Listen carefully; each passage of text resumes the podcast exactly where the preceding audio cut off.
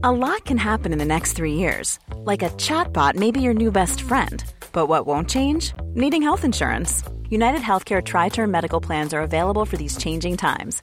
Underwritten by Golden Rule Insurance Company, they offer budget friendly, flexible coverage for people who are in between jobs or missed open enrollment. The plans last nearly three years in some states, with access to a nationwide network of doctors and hospitals. So, for whatever tomorrow brings, United Healthcare Tri Term Medical Plans may be for you. Learn more at uh1.com. Hiring for your small business? If you're not looking for professionals on LinkedIn, you're looking in the wrong place. That's like looking for your car keys in a fish tank. LinkedIn helps you hire professionals you can't find anywhere else, even those who aren't actively searching for a new job but might be open to the perfect role. In a given month, over 70% of LinkedIn users don't even visit other leading job sites. So start looking in the right place. With LinkedIn, you can hire professionals like a professional. Post your free job on linkedin.com slash people today. Hey, I'm Ryan Reynolds. At Mint Mobile, we like to do the opposite of what Big Wireless does. They charge you a lot, we charge you a little. So naturally, when they announced they'd be raising their prices due to inflation, we decided to deflate our prices due to not hating you. That's right. We're cutting the price of Mint Unlimited from $30 a month to just $15 a month. Give it a try at mintmobile.com slash switch. $45 upfront for three months plus taxes and fees. Promo rate for new customers for limited time. Unlimited more than 40 gigabytes per month. Slows. Full terms at mintmobile.com. Vi är denna vecka sponsrade av Indie Beauty. Och Sofie, det här tycker jag är extra fint och extra roligt. Ja men Indie Beauty är ju ett skönhetsvarumärke som jag tror att väldigt många känner till, men det jag älskar mest det är att Indie Beauty liksom vill vara mer än bara produkter, vilket de ju också är. Exakt. Indie Beauty står ju för Independent Beauty, skönhet på dina villkor och för din egen skull. Och Indie Beauty tror ju stenhårt på ett alternativt skönhetsideal fritt från måsten, skam och känslor av otillräcklighet. Där är jag helt med Indie Beauty. Jag med. Det är så jag vill att skönhet ska vara. Ja men verkligen. Och vet du vad som är nytt för i år Sofie? Berätta. Från och med i år så skänker Indie Beauty 1% av sin försäljning till Suicide Zero, Tjejzonen och Djurens Rätt. Så när man handlar produkter från Indie Beauty så kan man liksom känna att man också ger tillbaka till samhället. Ja, kraften i tillsammans. Ska jag säga en sak nu då, som jag, det, men det är detta jag är extra glad över. Nu har Indie Beauty tagit fram en keps och den tycker jag ändå så på sommaren, skydda sig från solen. Jättebra, jag älskar kepsen. Men det bästa, de bidrar till Suicide Zeros viktiga arbete för att minska antalet självmord och självmordsförsök. Så för varje såld keps så går hela vinsten, 100 kronor, direkt till Suicide Zero. Då kan man liksom göra nytta både för samhället och sin hud på en och samma gång. Ja, och kepsen kostar 169 men alltså hela vinsten går då som sagt till Suicide Zero. Mm. Så om man vill göra skillnad när man är där ute i solen, nu när den börjar titta fram, då ska man välja den här kepsen. Den säljs exklusivt på indiebeauty.se och på Apotea. Tillsammans kan vi skapa en ljusare framtid. Vi ses med kepsarna på! Tack Indie Beauty. Instagraminlägg av Sara Songbird den 2 april 2017. Kära Sara, 11 år gammal. Jag är ledsen att du fick leva med en konstant tanke i bakhuvudet att du aldrig räckte till. Jag är ledsen att du alltid ville alla väl, men konstant blev påmind att det fanns någon bättre. Snällare, roligare, finare, smalare. Jag är ledsen att du lyssnade på klasskamraten som viskade ditt namn till en annan och sa att du var lik den feta råttan i engelska boken i fjärde klass. Jag är ledsen att du konstant skämdes över att synas på bild där din runda mage syntes. Den gulliga lilla magen som du idag älskar så mycket. Jag är så, så, så ledsen att du fått växa upp med idén om att du inte var älskvärd av killar i din ålder för att du inte var tillräckligt snygg. Det var aldrig fel på dig. Jag är så ledsen att du aldrig får se det. Jag är ledsen att du växte upp och jämförde dig med de som var smala runt omkring dig. Hur folk alltid sneglade åt din andra portion men aldrig någon annans. Hur du hoppades att du en dag skulle vakna upp och vara smal och alla skulle gilla dig bättre då. Jag är ledsen. Till den det berör. Du är vacker precis som du är. Det kan ingen ta ifrån dig. Låt aldrig någon intala er något annat. Självhat är den mest utmattande och psykiskt tömmande känslan som finns. Låt den inte äta upp dig. Det blir bättre.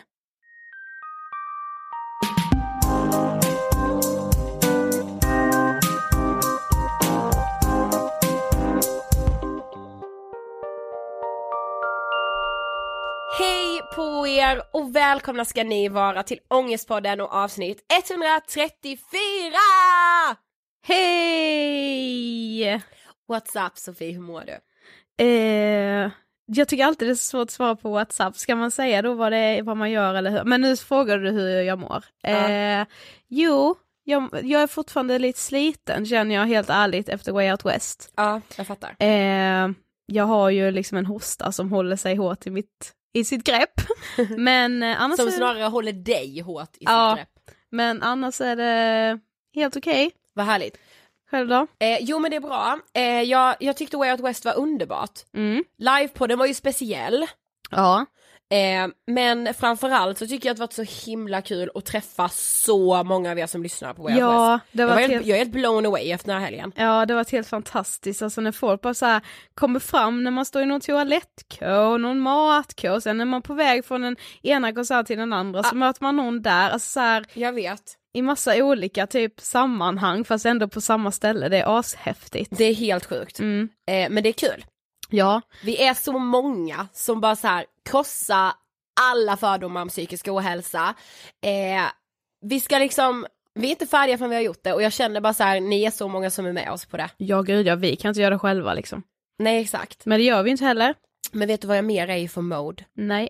Ja men jag, jag är så här, alltså du vet jag känner mig typ helt tömd på energi. Mm. För jag känner så här, det är så många människor som säger saker, som gör saker och sen får de aldrig stå för det. Ja du menar att det inte får några konsekvenser Det får eller? inga konsekvenser. Man kan liksom löpa amok och göra vilken skit som helst utan att behöva stå för, för det sen. Mm. Och sen så här, om man typ ifrågasätter så bara, nej men jag vill inte prata om det. Mm. Alltså jag ser det så i media, jag ser det i liksom min så privata sfär också, fattar du? Jag är så jävla trött på människor som gör saker, säger saker och sen typ inte står för det och inte kan ta diskussionen om vad det är de har gjort. Fan vad jag, alltså du vet vad jag kan säga, jag hatar det. Men jag tror att, inte så att du kan alltid få hata det och det är inget man så ska behöva vänja sig vid. Eller så här, bara, ja men det bara är så så man får typ acceptera det. Ja, men aldrig. jag tror tyvärr att det kommer alltid vara så. Mhm, mm. Det kommer aldrig komma en tid då alla står upp för sina konsekvenser hela tiden, alltså nej, alltså så då hade det inte varit krig Inte typ. stå upp för konsekvenserna, konsekvenserna blir ju att de behöver stå upp för det. Mm. Men stå upp för saker som de kanske har gjort fel. Ja men det är det jag menar, alltså gud kan vi ha ett helt avsnitt om det här senare i podden? Eventuellt. Ja. Eh, jag, du, det är helt uppåt väggarna vad, hur mycket jag analyserar det, jag kan typ inte sova på grund av det. Nej. Ja det är helt sjukt i alla fall. Ja. Jag, jag vet att många av er också relaterar. Om vi bara ska ta något roligt då, Mm.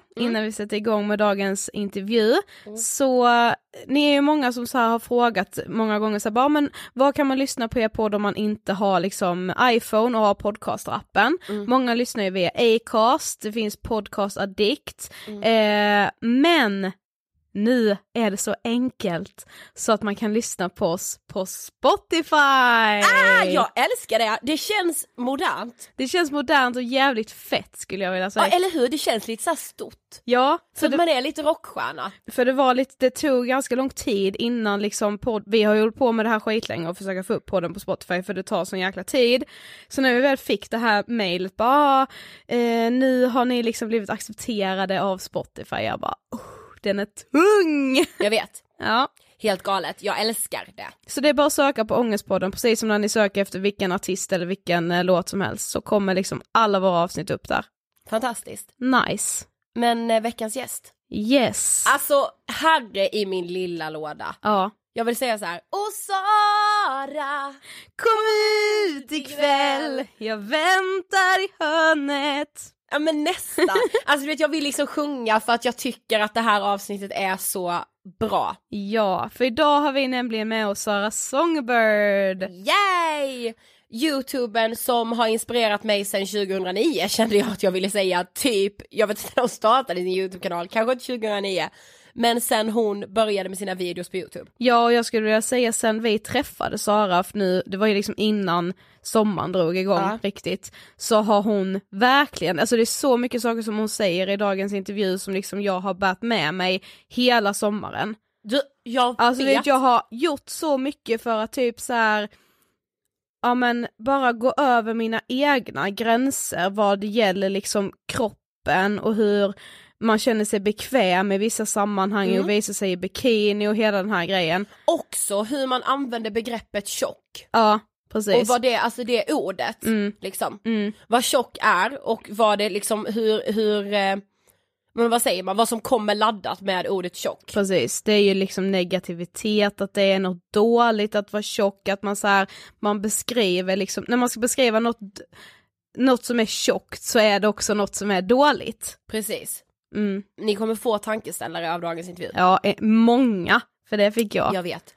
Eh, och sen Sara som person är ju liksom definitionen av en varm person. Ja, verkligen. Eller hur? Ja, bara så himla, ja, fin. Verkligen. ja.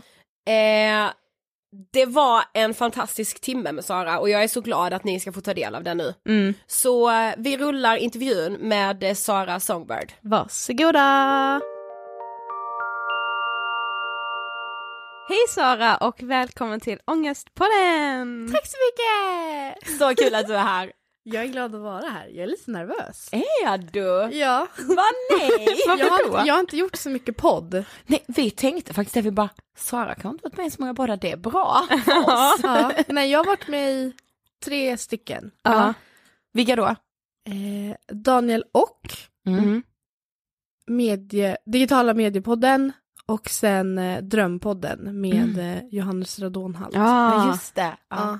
Men det är sjukt för vi har haft med, vi har ju haft med ganska många youtubers Mm. och det känns som att ni borde vara liksom de som är mest vana vid att prata så här eftersom ni, ni på något sätt visar ju upp ännu mer än vad vi gör bara bakom två mickar. Men det är Ja. typ ofta youtubersen som är mest nervösa. Ja. Ja men jag tror att det handlar om att jag är så van att visa mig typ med, så här, med kroppsspråk, att Ja. jag kan visa med händerna, att Ja. folk förstår mig när de ser mina ansiktsuttryck. Nu är det väldigt mycket fokus på hur jag betonar orden. Ja. exakt. Jag tror att det också handlar om att vi som youtubers är så himla vana att göra vårt material själva. Ja. Alltså vi klipper ihop det själva, vi väljer, vi väljer exakt själva vad som ska vara med. Mm. Så nu sitter ju ens yourself i någon annans händer. Ja, vi har makten ledsen. Vi hoppas du ska känna dig trygg i våra händer. Ja. Ja men jag sitter väldigt bra här så jag känner mig ändå Men härligt. Bra. Eh, men för de som inte vet, vem är Sara? Eh, det vet hon knappt själv. Eh, nej men jag är 23 år gammal, jag bor med min mamma här i Stockholm och eh, har växt upp med en pappa i Värmland. Så att jag har alltid levt med föräldrar som har varit isär liksom. Men eh, det har inte jag lidit av, tycker jag. Så att jag har en väldigt god relation med både mamma och pappa. Oftast bäst med mamma eftersom vi bor tillsammans och vi är typ samma person. eh, ja, vad fint! Ja, men nej men alltså, det är många som frågar det liksom, vad, hur kan ni vara så bra vänner? Jag bara, så, för att vi är, alltså vi är typ mindreaders, vi, vi känner varandra innan och utan till. vi bråkar aldrig. Så att jag har en väldigt trygg relation med mina föräldrar, jag jobbar med YouTube och mina sociala medier, där jag vloggar mest och delar med mig av mitt liv, men också pratar mycket om kropp och själ. Mm. Det, Vilken- typ det. Det var en jättebra Ja. presentation, det var verkligen så bra. Vi ska ju glida in på det som vi tycker att du är typ allra bäst på att prata om, men innan dess så ska du få standardångest på den frågan. Mm. Vad tänker du på när du hör ordet ångest? Eh, Jag tänker på en typ individuell psykisk smärta. Att ångest för mig kan vara en helt annan känsla eller upplevelse för en annan person. Så, och jag tror inte att det är någon som mår bra av att ha ångest och därför menar jag att det är en psykisk smärta. Att Mm. Det är ju alltså Typ skulle jag skrapa upp knät skulle jag visa och kolla, här gör det fysiskt ont. Och det är svårt att visa när det gör ont på insidan. Mm. Så att, ja men typ en psykisk smärta. Så himla sant, verkligen. Mm. Ja. Mm, jo, men i april så skrev du ett inlägg på Instagram som du direkt riktade till ditt 11-åriga jag. Mm. Och det var så himla starkt och fint. Eh, och vi läste det här eh, innan intervjun. Men vem var egentligen Sara, 11 år? Eh, jag har alltid varit en teaterapa och väldigt utåtriktad och tycker om att stå i centrum typ. I och med för att jag har känt mig så trygg. Men det har alltid varit ett fokus på utseende, speciellt när vi var yngre. Nu finns det mycket kroppspositivism i dagens samhälle för de som växer upp nu. Men jag hade liksom aldrig det. Alltså typ kollar man på bokomslag, jag läste mycket böcker och så läste jag mycket typ Kitty-böcker. Och det var alltid en smal, blågd, blond tjej medan jag var kort, knubbig och brunt hår. Så att jag hade liksom aldrig en bild av någon som såg ut som jag, som jag kunde se upp till. Så att jag kände väl typ att jag hela tiden tänkte att en vacker dag kommer jag bli smal och en vacker dag kommer jag att inte behöva må så här. Och sen nu när man, så anledningen till att jag skrev det där inlägget var ju för att när jag kollade igenom alla de här bilderna så vill man ju känna typ, ah, kolla vad gullig jag var, oh my god, kolla kläderna jag hade. Men jag kände liksom inte det där, utan jag satt med gråten i halsen och bara, herregud, jag var inte så tjock som jag trodde att jag var. Jag var inte så knubbig och inom situationstecken ful som folk fick mig att känna mig. Och det var därför jag skrev det inlägget, för att tanken var egentligen att jag skulle lägga upp en bild på Instagram och bara oh my god, TBT, Sara som liten. Men själva känslan jag hade när jag kollade igenom bilderna var bara gråten i halsen. Så till slut ville jag bara skriva det där inlägget för att typ försäkra mitt 11-åriga jag om att det blir bättre. Mm. Och jag låg där och grät när jag skrev den texten, för det var typ som att cirkeln slöts. Att äntligen fick jag en closure med mitt självhat till min kropp. Mm. Alltså så jävla starkt, alltså Ja. jag blev helt så här skakig typ. Ja men det var så fint när vi läste det, vi bara, alltså man Ja. blev liksom rörd själv Mm. för att man kunde liksom, ja men förstå exakt vad du menade. Vi är liksom, är du 94? Mm. Ja vi är ju 93 år så vi vet ju exakt vad du menar med det här med att växa upp liksom där Mm. idealet är extremt tydligt Mm. överallt. Och eh, jag först- jag förstår att det är många som liksom kände då och såklart fortfarande känner att de liksom inte passar in i den ramen. Mm. Men vad kunde det vara som fick dig att känna dig så otillräcklig? Eh, dels så, jag, jag ska inte namedroppa, men det var en släkting till mig Mm. som eh, jag väldigt ofta bodde hos på sommaren och sånt. Och eh, det var väldigt tydligt att om en annan tog en extra skopa glass skulle jag äta frukt. Om någon annan av mina kusiner skulle få gå ut och leka skulle jag leka lite extra för att I was the chubby cousin. Alltså det var, alla andra var smala men det var inte jag. Eller typ när vi hade käkat middag så skulle, ja men det var hela tiden att någon kollade på min extra portion men inte på någon annan. Att jag skulle ha lite mer grönsaker men inte de andra. Och man kanske inte reflekterar över det när man är liten, men dropp, alltså så poletten trillar ner var när vi var på Konsum. Och så från ingenstans så fick jag ett par Ches- manchesterbyxor i handen och bara prova de här. Och jag minns så väl hur jag försöker dra på mig de här byxorna och det är helt fel storlek. Och jag, det var så förnedrande att försöka ta på ett klädesplagg som man vet att jag kommer aldrig få på mig de här. Så till slut öppnade jag dörren till omklädningsrummet och bara, det går inte. Och då kollar personen mig i ögonen och bara, du måste banta. Hur gammal var- var du då? Jag var nio år gammal. Alltså, Mm.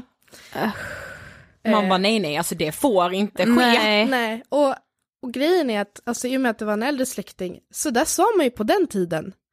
Och de har växt upp med en standard och de har växt upp med att man tager vad man haver och Mm. Precis. gör av dig med det du stoppar i dig och la ja, exakt. Alltså Ja. det är lite den mentaliteten. Mm. Och alltså det var typ som att, det var väl då typ någonting gick sönder. Och sen så växer man ju upp, alltså för jag minns inte liksom så mycket innan innan Nej. det typ. Alltså Mm. för hur mycket minns man från när man var liten? Nej, Nej. precis. Så här rent emotionellt typ. Så det var väl typ då jag började känna typ att, ja fan nej jag räcker inte till. Alltså, jag måste ju banta. Alltså Mm. för att jag måste ju kunna ta på mig de byxorna, min syrra kan ha på sig vilka kläder hon vill, varför ska inte jag kunna på mig vilka kläder jag vill? För att på den tiden fanns det inte bra klädutbud. Nej. Alltså jag vet att jag växte upp hela min uppväxt och hatade jeans. Jag hatar fortfarande jeans. För att det var alltid en struggle att hitta jeans i en bra storlek. Mm. Och alltså jag undviker ju till största mån att köpa jeans för att alltså bara det är ju en ångest i sig att gå till en klädaffär och bara okej nu ska jag hitta ett par jeans som passar. Mm. Not gonna happen. Mm.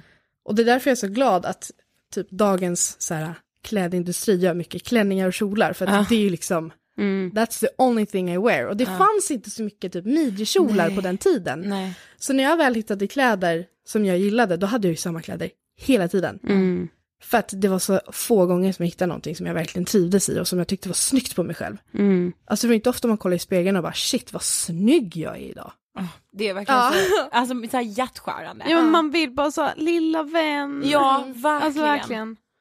Men sen när du började gymnasiet så började ändå saker förändras. Mm. Vad var det som hände då? Dels så var det ju mellan sommaren, nian och första året på gymnasiet, Mja? Jag bara, ja, know what. I'm talking about. Nej men då var jag med i långfilmen Tusen gånger starkare. ja. Ja.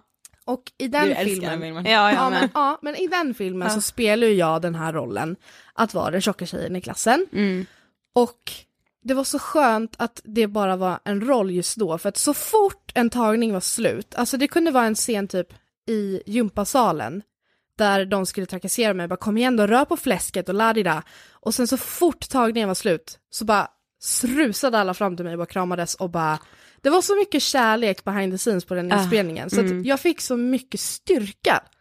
Alltså för jag, jag, hade vän, jag växte upp på Lidingö, det var alltid samma människor, och även fast alla var goda vänner liksom, så var det så skönt med ett miljöombyte. Mm. Att man träffar människor som har väldigt sunda värderingar. Det var första gången jag hörde talas om feminism. Mm. Det är en väldigt feministisk så här, propagandafilm. Ja. Och det var första gången som jag bara shit, alltså I love this girl power thing.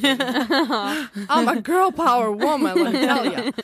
Ehm, och sen började jag gymnasiet och då har jag ändå det här självförtroendet i grunden att jag fick en roll i en långfilm Mm. som 15 år gammal. Mm. Bara det är skitcoolt. Jag rullar på bioduken. Ja, om ett år är jag på bio. Ja, men alltså that self-confidence Ja, boost, det jag. det behövdes just då. Mm. Och sen började jag gymnasiet och där gick det en tjej i min klass som var så jäkla badass. Hon var, alltså just i vår klass så fanns det ingen så här, den populäraste tjejen i klassen. Nej.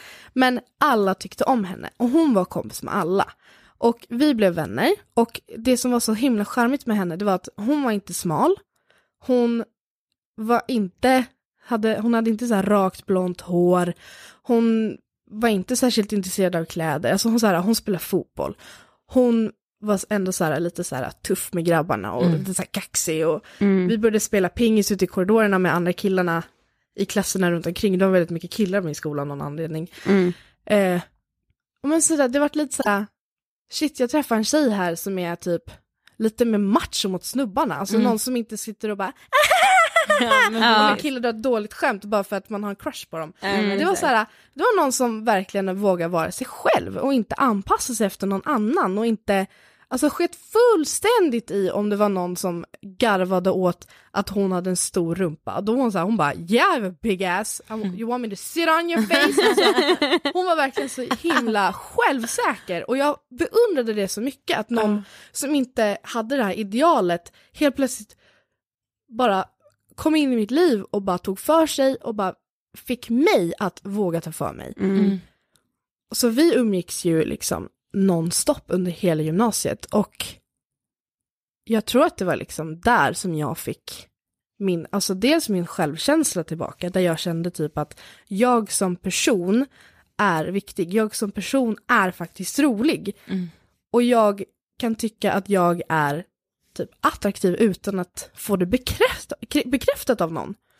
För det är det många... Åh gud, alltså nu när du sa det, alltså För det är det många tror att man måste få bekräftat av någon Ja. för att bekräfta att man är attraktiv. Ja. Och det kan ju sticka många människor i ögonen bara av att säga typ, men jag tycker jag är attraktiv. Då är det oftast någon som bara, aha, är det någon som sagt det eller? ja. Men såhär, va? Eller så här, den här känslan att innan man ska gå ut så tycker man själv att man bara, ah, men shit ikväll ser jag jävligt bra ut. Ja. Men är det ingen som säger det under kvällen, då kommer man hem och bara, nej, det Ja. var jag inte. Och det är det ja. Alltså, Ja. alltså man är ju sin egna bästa coach. Ja. Precis. För att om du, typ, om du själv inte känner det, om du själv inte tycker det, så kommer du aldrig tro på någon annan som säger det. Ja, Precis, Nej. det är så sant. Ja. Alltså, Så att mycket hellre att jag själv känner det och tycker det, men kanske inte får det bekräftat, Mm. än att många säger det men att jag själv inte tror på det. Så jävla det är sant. verkligen så sant. ja. Ja, och det, jag tror att det är det som handlar om självkänsla. Mm. Alltså att Ja, ja, själv, 100%. självkänslan är du är din egna coach, men själv, kanske självförtroendet kommer när någon annan säger det. Mm. Och jag ty- tycker att självkänslan är fan så mycket viktigare än självförtroende. ja men Ja. verkligen. Mycket viktigare. verkligen. Mm. Men du säger att du är body positive. Ja. Vad betyder det? Alltså man älskar ju det. Ja, det är så man bara, Och det är så vackert uttryck, men Ja. body positive. Alltså för att säga det enkelt, det är att ha en positiv inställning till sin kropp. Och många förknippar det med att typ att man ska promota att vara mer än smal. Men det handlar bara om att oavsett hur man ser ut så ska man inte känna att man behöver ändra sig för någon annans skull. Självklart finns det ju liksom undantag om det handlar om hälsoskäl, att du är alldeles för undernärd eller alldeles för överviktig. Och det är det som är problemet, att folk ska alltid dra det kortet, att bara, det är farligt att vara tjock. Bara, ja, men det är farligt att vara för smal också. ja. Och det är farligt att ha en dålig syn på sin kropp oavsett hur mycket eller lite man väger. Precis. Så att body positive handlar ju bara om att ha en positiv inställning till sin kropp. Oavsett hur mycket man väger eller hur man ser ut. Ja men det är så himla klockrent. Ja. Alltså, så här, det är ju det man vill. Alltså tänk om alla hade så här, känt det och varit det. Mm. Hur mycket enklare allting skulle vara. Ja. Och Eh, jag tror att ingen hade haft behovet att ifrågasätta eller kommentera någon annans kropp i ett negativt syfte om de inte själva var Nej. body positive. Nej men exakt. Jag kan inte minnas de närmsta, ja säg typ sju åren som jag har kommenterat någons kropp negativt. För att jag själv är så trygg i mig själv att jag har inget behov av att trycka ner någon annan. Nej. Bara för att jag trycker ner någon annan kommer inte få mig att må eller känna mig bättre eller Nej, snyggare precis. liksom. Verkligen inte tvärtom. Mm. Mm. Men alltså hur tänker du kring att så här, samhället är så starkt präglat av en idealbild av hur en kvinna ska vara. Mm. Och det är egentligen inte bara utseende utan så här liksom eh, bete sig och alltså hela liksom. Jag har ju känt det, alltså just så här personlighetsmässigt, Mm.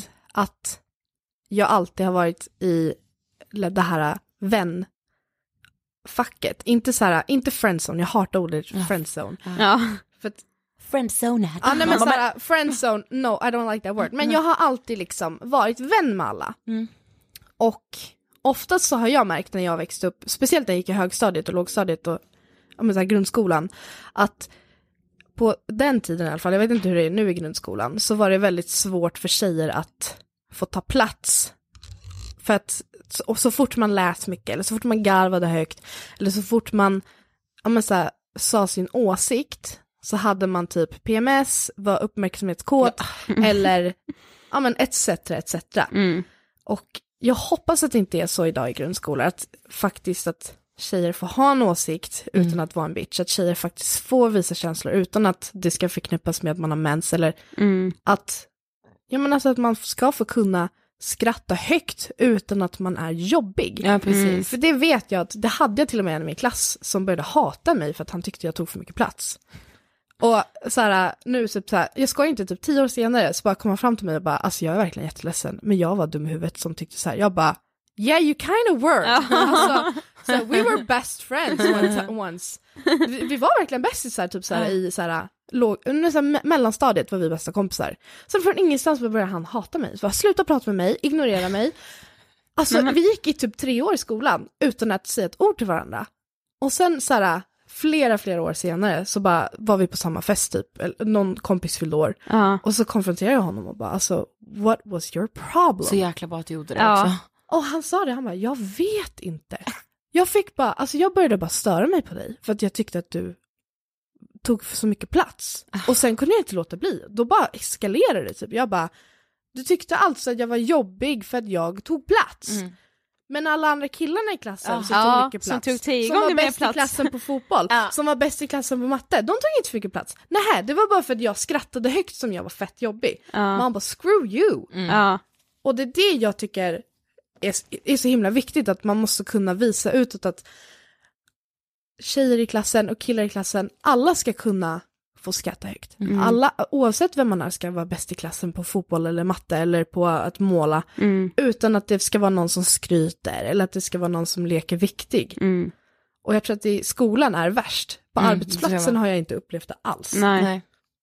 Men alltså vi brukar prata ganska mycket i podden om så här hur mycket sociala medier och liksom allting i samhället egentligen som handlar om ideal påverkar främst liksom unga människor och kanske främst tjejer. Eh, hur tror du att det så här kommer påverka dem, alltså säg typ så här om tio år? Mm.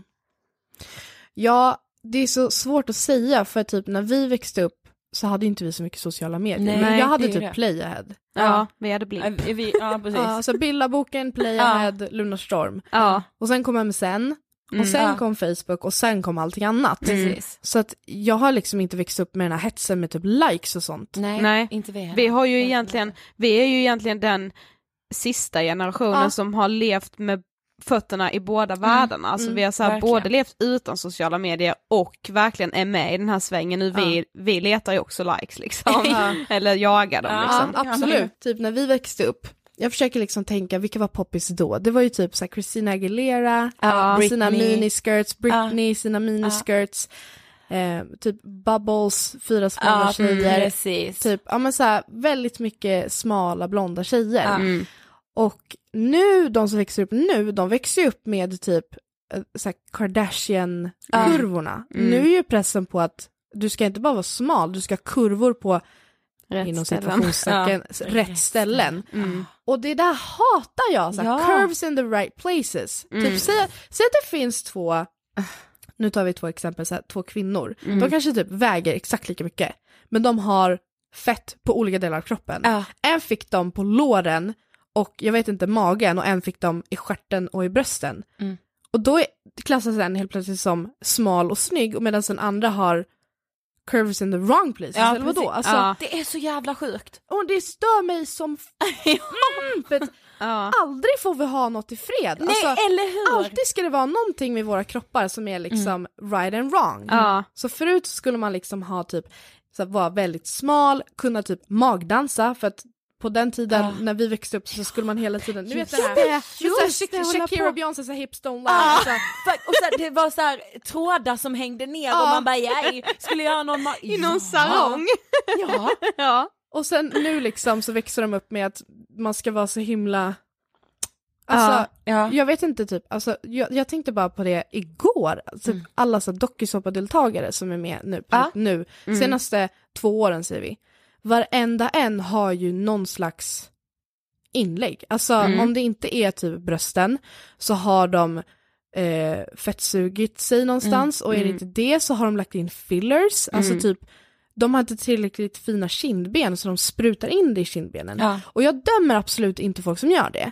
Men det är sorgligt att oftast så är det bara de som får utrymmet och Precis. det är de som klassas som idealet. Och det är tråkigt för att unga pojkar ser det här och bara så här ska en kvinna se ut. Precis. Medan unga tjejer kollar och bara så där vill jag se ut. Mm. Vilket är skittråkigt och det är därför jag tycker att body positive communityt måste få mer utrymme för att Here's a cool fact a crocodile can't stick out its tongue. Another cool fact you can get short term health insurance for a month or just under a year in some states. United Healthcare short term insurance plans are designed for people who are between jobs, coming off their parents' plan, or turning a side hustle into a full time gig. Underwritten by Golden Rule Insurance Company, they offer flexible, budget friendly coverage with access to a nationwide network of doctors and hospitals.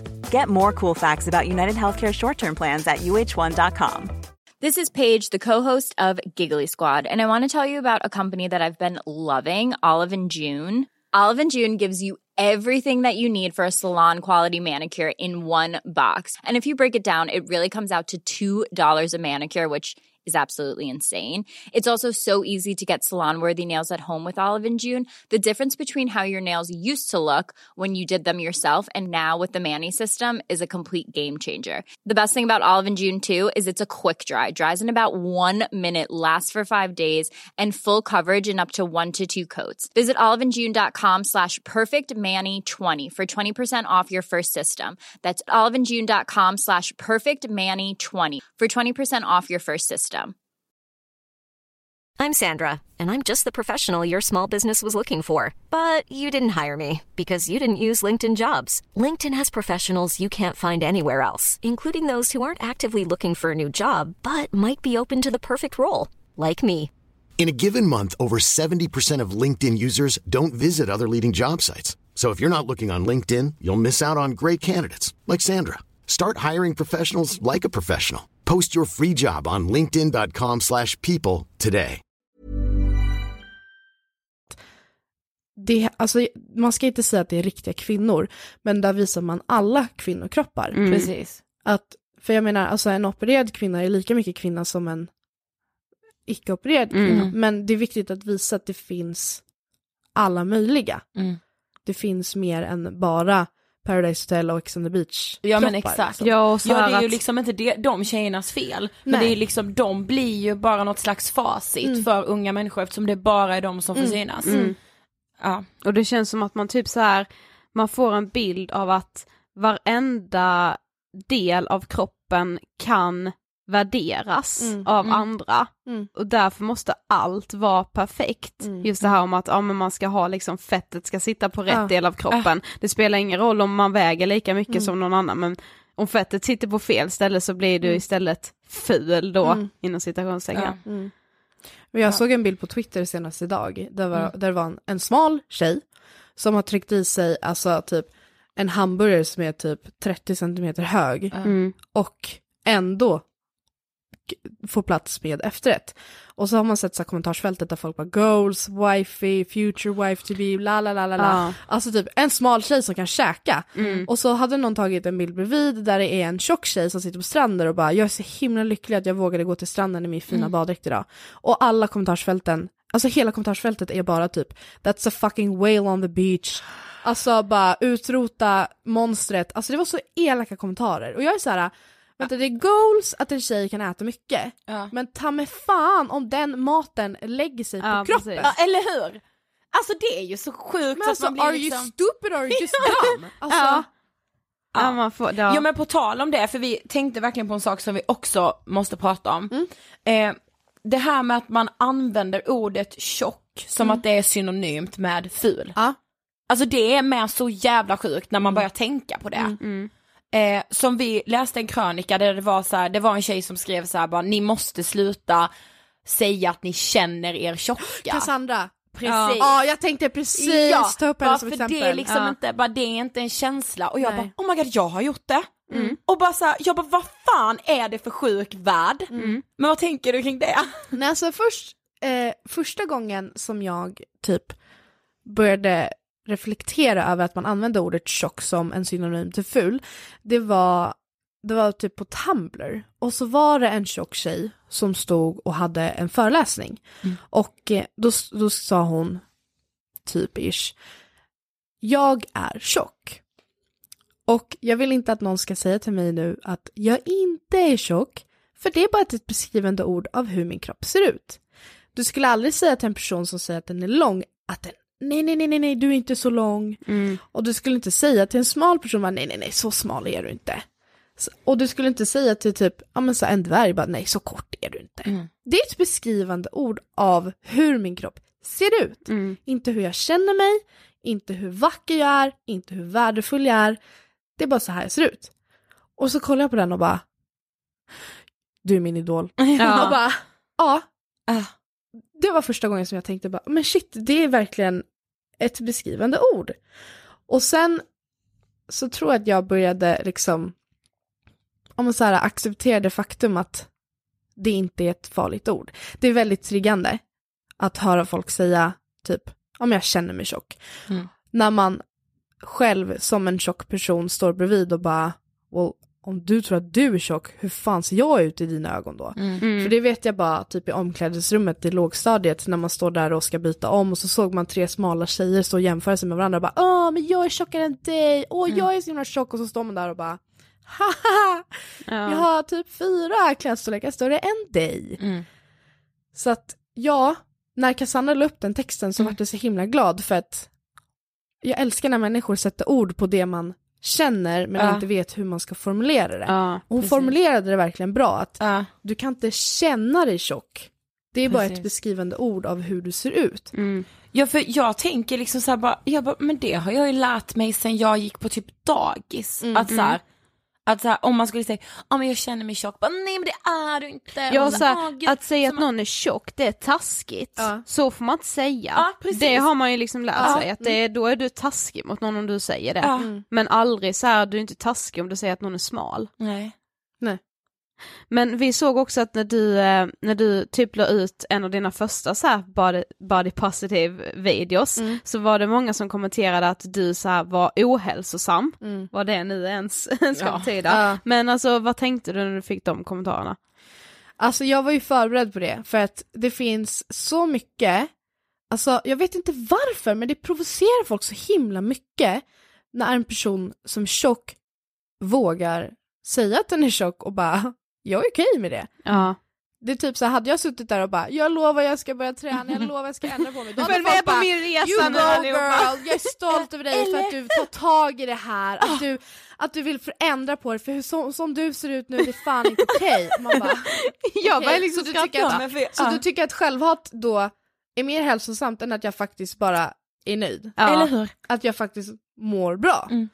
Och det är så kul för när folk ska attackera mig och hålla på, då brukar jag alltid här, dra en parallell typ att, men så här, ja min storasyster, hon har alltid varit smal.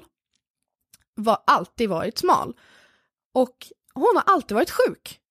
Hon är konstant förkyld, hon har problem med det där, det är alltid någonting Mm. som typ antingen att gå till läkaren eller att hon typ inte säger hemma från jobbet, men alltså det är alltid någonting, snuvig eller whatever. Mm. Medan jag kom och bara, jag är sjuk typ en eller två gånger om året.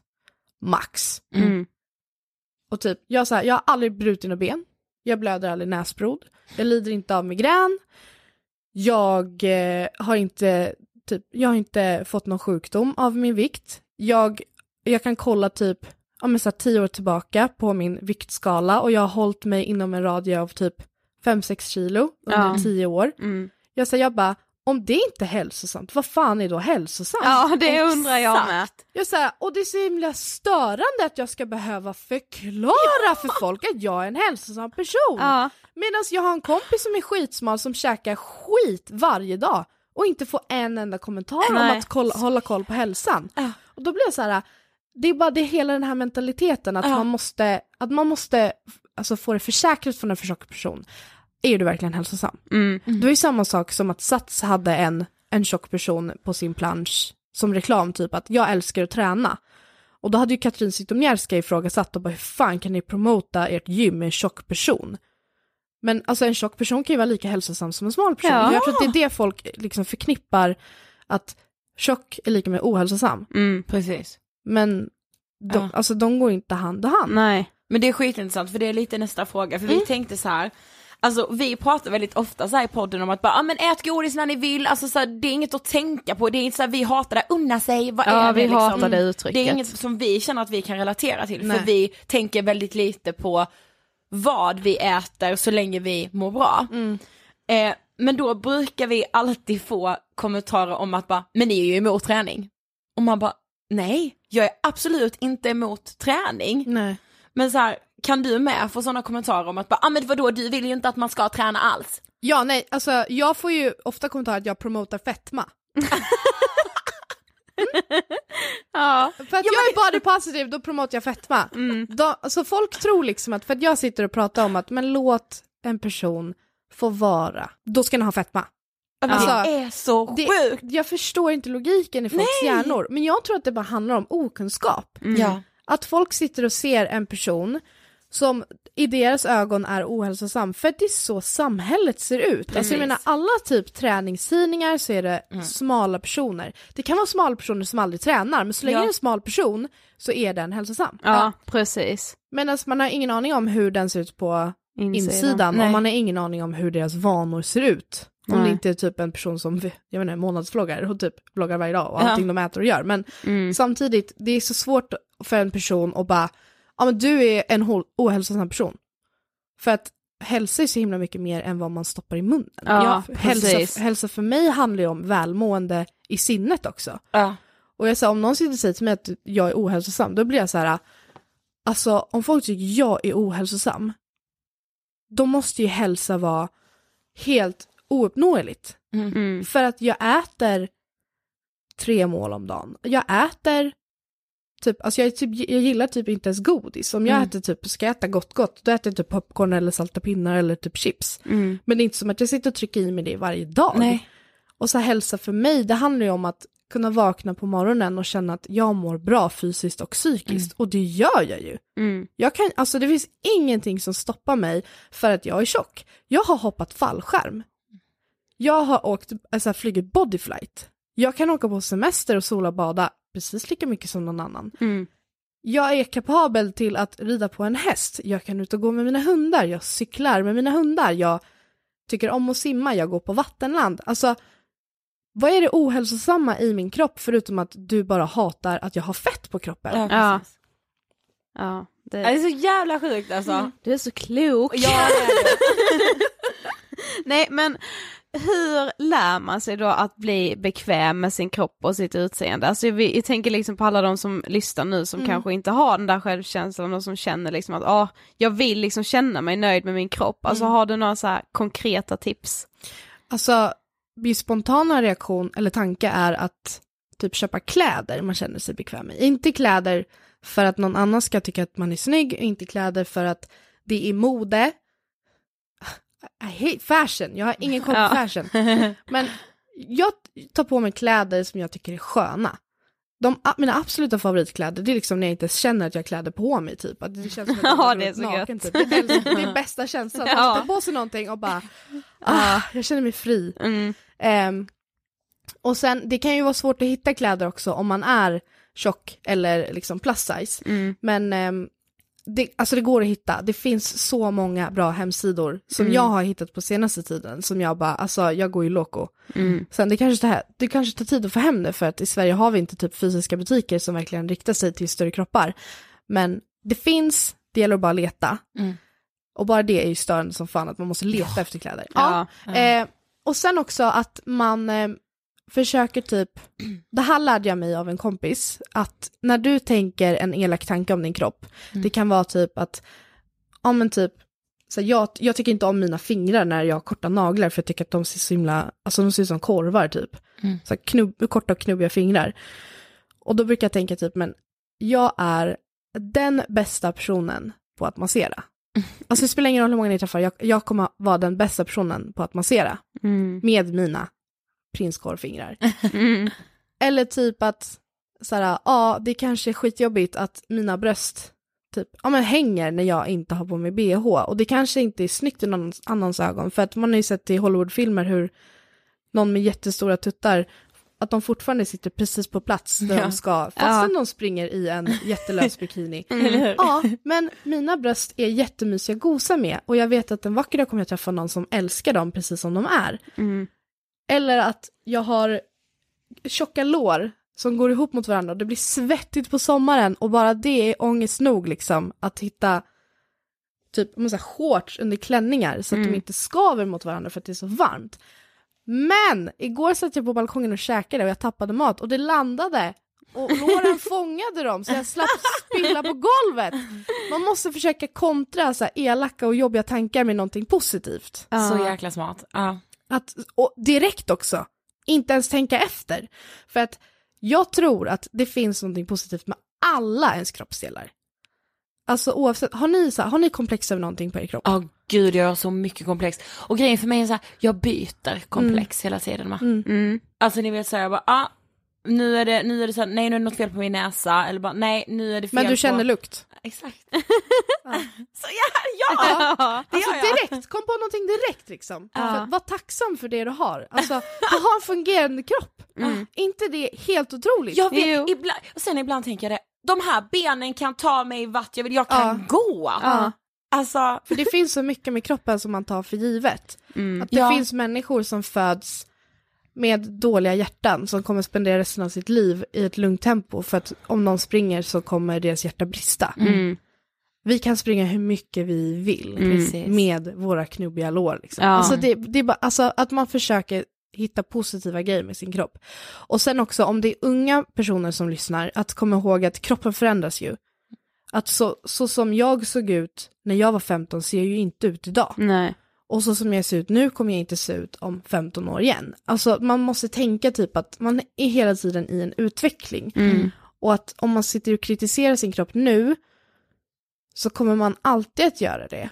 Istället för att acceptera det faktum att så här ser jag ut nu. Jag kanske inte all, kom, alltid kommer göra det. Så jag ska bara vara tacksam för det jag har precis just nu. Mm. För imorgon kanske jag är med i en bilolycka och kommer hamna i koma i sex månader och sen kanske dö för att jag inte hittar en hjärntransplantation. Ja, eller typ. hur? ja, men så här, att man ska vara så himla tacksam för att man lever i nuet. Mm. Ja, och sin kropp ska man ju faktiskt leva med hela livet. Ja. Det är den enda kanske man kommer leva med Ja, hela sitt liv. Kanske, det, kanske. You never know.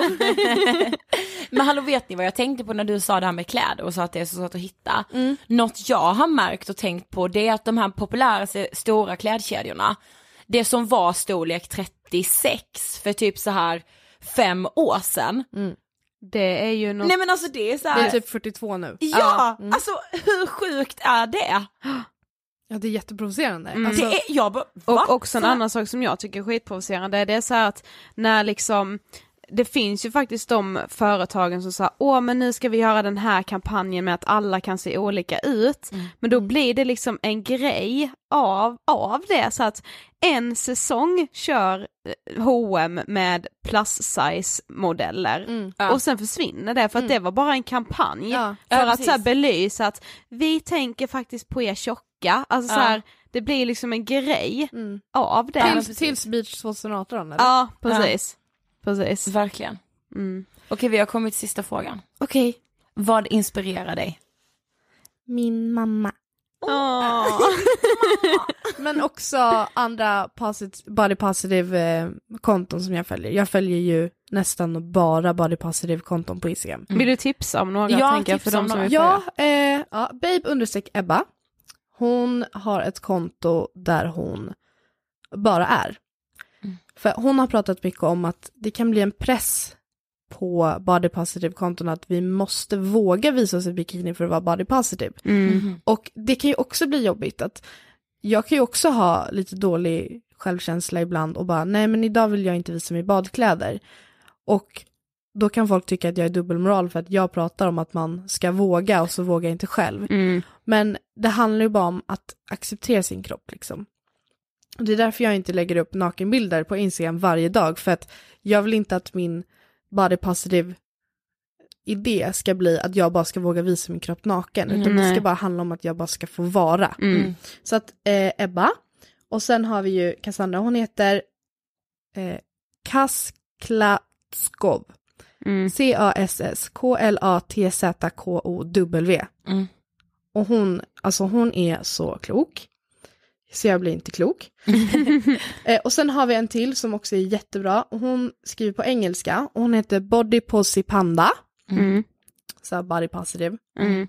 Men gud jag känner igen det, jag tror jag har varit inne på henne. Ja, och hon, hon har en tag på sin Instagram som heter Don't hate the shake.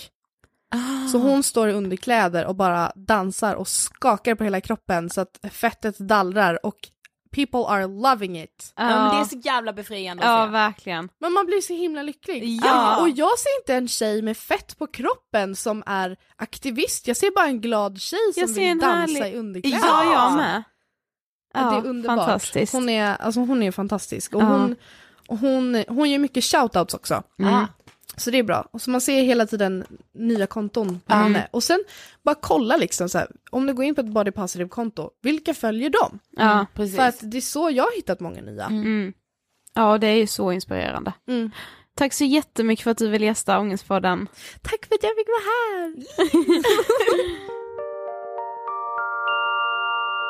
Ja, Mm. jag tänker bara såhär, när kommer Saras bok? Ja, Jag läser den direkt. det gör jag med, från pärm till pärm. ja, gud ja. Eller såhär Saras tio budord. Ja, eller hur? De skulle vi kunna sätta upp liksom. Men jag tror att alltså såna här, man ser ju, man börjar ju se mer och mer om så här kroppspositivism och Mm. jag har börjat följa verkligen så här. Jag, jag märker ju själv att hur påverkad jag blir av sånt som jag ser på Instagram. För att Mm. för ett tag sedan, jag vet inte om det var, nej det kan nog ha varit typ precis efter så här Saras, vi hade träffat Sara, Ja. så gick jag in på min egna Instagram, kollade vilka jag följde och så här verkligen kände efter vilka som faktiskt kan ha lite negativ påverkan på mig och det är liksom inte deras fel, det är bara hur Mm. Nej, jag nej, ja. väljer att tolka vissa inlägg Precis. och hur min hjärna liksom tar åt sig av saker som är så jävla onödigt. Mm. Så här, om jag inte kan lära mig själv att filtrera bort de sakerna, då får jag ju sluta följa dem Mm. tills jag kan göra det igen liksom. Eh, så då avföljde jag vissa konton som jag inte klarade av att följa och började följa fler konton med så här kroppspositiva budskap Mm. och det Alltså det hjälper mig så Ja. sjukt mycket, alltså jag tror inte man själv fattar förrän man typ har testat. Nej, jag fattar. Eh, och Sara gav ju lite tips i intervjun här på andra konton som man kan Ja. följa utöver Saras egna konto, Sara Songbird. Precis. Eh, jag säger bara, jag uppmanar bara alla att göra det. Sara, tusen tusen tack för att du kom och gästade Ångestpodden. Det var otroligt. Ja, du är grym. Veckans hiss. Mm. Ja, men alltså mitt fortsätter lite på liksom det här ämnet om kroppen och eh, att älska sin kropp, hur den än ser ut. Mm, intressant, för det gör min med lite. Ja. Mm. Ja, egentligen vill jag hissa hela det här kontot, men jag ska specifikt hissa ett inlägg. Mm. Och det här kontot heter Beyoncé Björk, alltså Beyoncé Björk är det typ, men det är Björk alltså. Mm. Beyoncé och sen B-J-O-R-C-K. För det första, hennes videos hon lägger upp, alltså de är helt otroliga. Ja. Alltså jag älskar dem på ett sätt gränslöst alltså. Mm. Men hon har lagt upp ett inlägg där hon skriver, hon la upp det här den 20 juni Mm. och då skriver hon så här. BMI-tabellen. BMI-tabellen säger att jag har fetma grad 2. BMI-tabellen säger att det är livsfarligt. BMI-tabellen vet inte att jag förr i tiden ägnade mig åt att svälta mig själv, stoppa tillhyggen i halsen, kräka upp det jag ätit, sånt som är livsfarligt. BMI-tabellen vet inte att jag inte vill banta, inte vill bli sjuk igen, inte vill göra mig mindre än vad jag är för att matcha ett ideal som jag förväntas sträva efter och även om BMI-tabellen skrämmer skiten ur mig när den säger att jag kan få diabetes och högt blodtryck och hjärt och kärlsjukdomar så skrämmer idealet mig ännu mer. Idealet har skrämt skiten ur mig sedan jag var barn, varje dag, hela tiden. Idealet har fått mig att utsätta mig själv för livsfarligheter, skrämt mig att inte tro på mig själv, på mitt värde, på min kompetens, på min vilja. Och nu vet jag att jag har en vilja, får lov att vilja. Nu tror jag på min vilja och vet du, jag vill, jag vill, jag vill. Åtminstone försöka skrämma skiten ur skiten. Jag vill snacka om livsfarliga ideal, så kan du snacka BMI med någon annan så länge. Mm. Alltså det är så bra! Mm. Och jag relaterar så mycket till när hon skriver det så här. Idealet har skrämt skiten ur mig. Mm. Då blir jag så här, ja. Är det något jag är allra mest rädd för så är det fan i mig det. Mm. Ja, det är ju idealet som liksom begränsar en i så sjukt många sammanhang. Sofie, jag kom på bara senaste att så här, jag är så begränsad över det. Jag Ja. måste komma ur det. Alltså Ja. vi, vi kan prata mer om det i podden längre fram. Mm. Men alltså det är så här, det är på ett helt sjukt sätt. Mm. Både med min kropp, mitt utseende, alltså Ja. jag är helt fucked alltså. Ja men också, också inte bara så här, det är det som är liksom typ hela grejen med sociala mediesamhället och det här med att ångesten liksom växer för att man liksom jämför sig med alla andra och så här. För det finns liksom ett kroppsideal, men sen Ja. finns ju också det här idealet om hur det lyckliga livet Ja. ska vara. Allt man ska ha, allt man ska äga, allt man ska ha gjort, överallt dit man ska åka, alltså det är ju så jävla mycket i det här idealet så det föds liksom nya ideal fast om helt andra saker. Precis, men ja anyway jag ville verkligen bara hissa det inlägget specifikt men hela Beyoncé Björk Ja alltså konto. herregud. Följ, följ, följ. När jag är lite så nere går jag in och kollar hennes videos och ja, Ja. det går liksom inte sluta skratta. Nej men verkligen inte. Klockren är hon. Och viktiga, alltså de har ju ett så viktigt budskap Ja. varenda video. Men med en twist av humor. Exakt. Ja. Eh, jag skulle också vilja hissa ett eh, Instagram-inlägg. Ja. Eh, det har lite mer så här med feminism och eh, alltså utseende som är att typ sminka sig och tatuera sig och så här. Mhm. Eh, jag vet inte ifall du har sett det och jag har inte hängt med alls mycket, ska Nej. ju, ska ju erkännas, men det har varit en debatt så här huruvida eh, kvinnor som liksom sminkar sig och bryr sig väldigt mycket, om- mycket om sitt utseende kan liksom kalla sig feminister. Eh, och så här, ja men typ också att hur mycket man som kvinna och man också, eller icke-binär, alltså hur, hur mycket man ska ta åt sig av komplimanger när man är fixad, alltså så här, som sminkad. Okej. Ja det har varit mycket liksom snack om detta. Gud jag har missat det här helt. Och då skrev i alla fall Cissi Wallin, vår alldeles egna favorit Cissi Wallin, som Ja. jag har gästat oss tidigare. Hon skrev ett jättelångt Instagram-inlägg om detta, men det var just liksom en, eh, en del av inlägget som jag tyckte var så himla bra, Mm. som jag tänkte läsa upp. Så hur ska man då göra som tjej, feminist och ytlig? Jag tror inte på förbud. Jag tror på att våga vara hycklande ibland. Att inte slå knut på sig själv för att göra rätt inom citationstecken. Så länge man påminner sig själv om att ens värde har noll att göra med hur vi huruvida man är piffad eller ej. Så länge man är öppen med att jo, jag gillar att förstärka mina drag med smink och att det är helt okej att vara ytlig. Oavsett om det handlar om att samla på läppstift eller spara ihop till ännu en tatuering. Så länge ytligheten inte tar över, så länge man inte har några issues med att visa sig osminkad på stan, så länge man vågar omfamna att tillåta sig själv att vara snygg, ful, sexig, sunkig, nuckig, burdus, gapig, blyg, känslig, porrig, bitter. Mitt varande är aldrig främst en sminkpalett, det är paletten av mänskliga drag och drifter.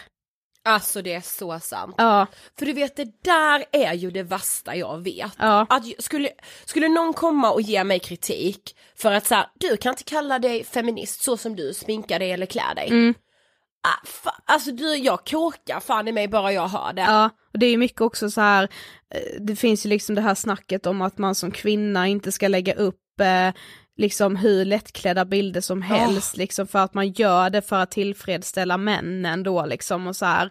Nej, men det, är så, det säger så jävla mycket som Cissi säger, det här med att man får göra det i vilken som helst utsträckning man vill så länge man vet att ens eget värde ligger inte i den där lättklädda Precis. bilden eller i den där push-up bhn eller i det där extra sminklagret som man lägger. Men jag tycker det är så konstigt, alltså vad är det för någonting? Alltså Ja. så här bara, vad, alltså hur kan man ifrågasätta någon om den är feminist Mm. beroende på så här, att den sminkar sig? Man skulle inte säga bara, om det skulle finnas en koppling mellan så här, ja men folk som åker på raggarträffar, de, eh, de är ju ofta rasister. Mm. Skulle man då säga bara, nej du kan inte äga en biljävel för det kan ju vara så att du är rasse då. Precis. Alltså förstår du? Ja, Alltså sånt här får mig att koka. ja. Alltså på riktigt, koka. Men in och följ Cissi Wallin, hon skriver mycket klokt på sin Instagram. Ja gud ja. Ja. Det var väl allt den här veckan. ja. Fast en sak till. Nästa vecka så kommer, ni, ni ber om det här och jag och Sofie har känt så här att en gång om året, vi gjorde det här förra året med, Mm. Då, då kör vi en sån här megagrej, Mm. nämligen en frågepodd. Yes. Och ni brukar vilja att vi ska ha det, så vi kände Nästa innan, vecka. innan hösten drar igång. Precis, nästa vecka blir jättebra att ha det.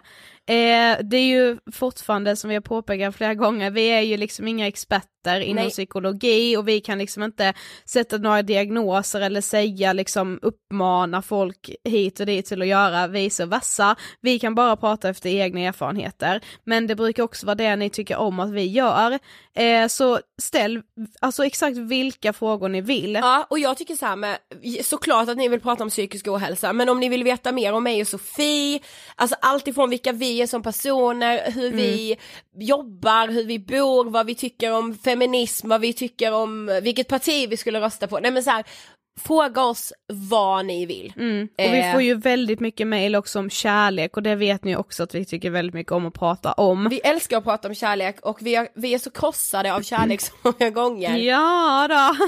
Så det är liksom ingen happy wife, happy life. Nej men så här, ingen fråga är för svår eller för stor, men Eller det, och så här på riktigt Sofie, vet du vad vi älskar om någon hade sagt till oss? Nej. Det finns inga dumma frågor. nej. Bara Inte kanske dumma svar. Precis. ja. Så, ehm, Maila frågor till angespodden at ingetfilter.se. eller skriv frågor på vår, alltså i DM på Instagram, där heter vi Angestpodden. Yes. Och eh, när ni mejlar, märk mejlet med frågepodd och när ni skriver i DM, skriv frågepodd då också så att vi liksom kan sortera upp det. Ja, skriv gärna det i början av meddelandet liksom. Ja. Och sen Mm. ska vi försöka ta med så många frågor som möjligt. Ja. Okej, Ha det bäst så hörs vi som vanligt nästa vecka med en frågepodd som sagt. alltså jag vill bara säga också, vi Mhm. älskar verkligen er. så jävla cheesy. Ja. Hej då!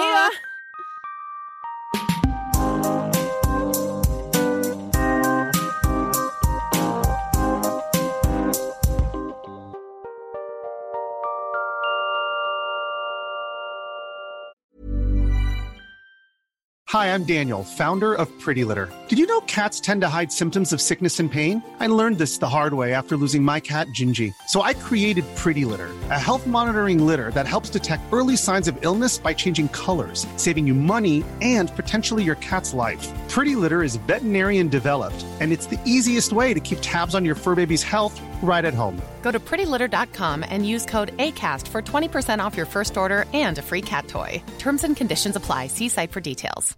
Imagine the softest sheets you've ever felt. Now imagine them getting even softer over time. That's what you'll feel with Bowl and Branch's organic cotton sheets. In a recent customer survey, 96% replied that Bowl and Branch sheets get softer with every wash. Start getting your best night's sleep in these sheets that get softer and softer for years to come. Try their sheets with a 30-night guarantee. Plus, get 15% off your first order at bowlandbranch.com. Code BUTTERY. Exclusions apply. See site for details.